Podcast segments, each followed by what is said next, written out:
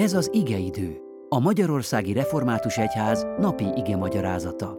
A mai bibliai ige szakaszról Fekete Károlyt, a Tiszántúli Református Egyház kerület püspökét hallják. Áldás békesség! Isten igéjét Pálapostolnak a Timóteushoz írt második leveléből, a második rész 15. versétől a 18. versi terjedő szakaszból olvasom. Igyekez kipróbált emberként megállni Isten előtt, mint aki nem val szégyent a munkájával, hanem helyesen fejtegeti az igazság igéjét. A szentségtörő, üres fecsegők elől pedig tér ki, mert egyre messzebb bennek az istentelenségben, és szavuk úgy terjed, mint a rákos fekély.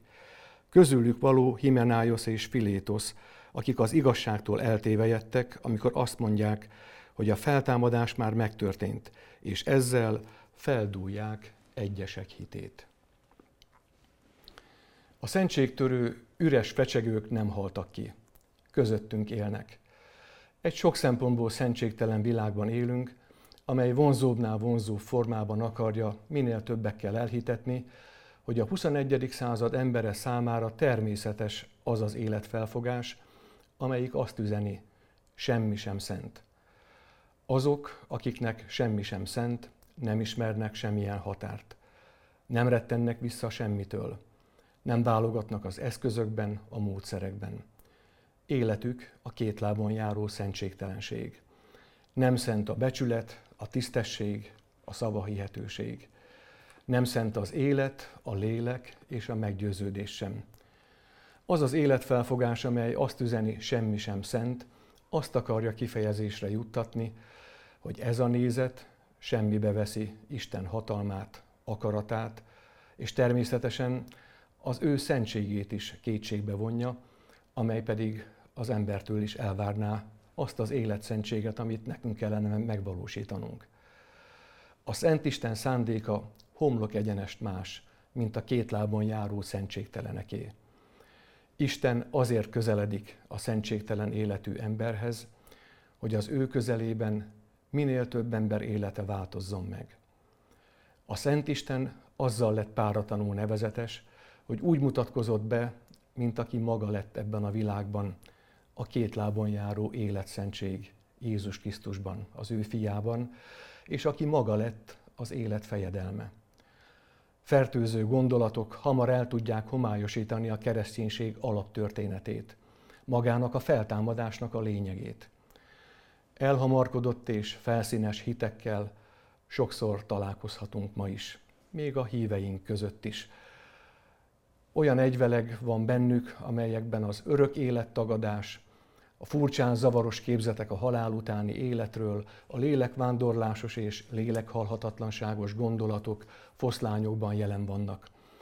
Mi keresztény igehirdetők viszont ma sem adhatjuk alább, vallanunk kell hitvallásunkkal, hiszem a test feltámadását és az örök életet, mert a feltámadás a keresztény hit és az evangélium középpontja. Isten nem dacból keltette életre fiát, hogy visszavágjon, hanem az élet előnyének megnövelése miatt. Akkor támad fel a feltámadás hit bennünk igazán, amikor az ember felfedezi a saját életében, hogy mit meg nem tett Isten a mi életünk előnyszerzése, helyzetbehozása érdekében. Vagyis mi ebben a folyamatban nem statiszták és szemlélők vagyunk, hanem célszemélyek. Elsősorban érettünk vállalta, miattunk halt meg a mi Urunk Jézusunk.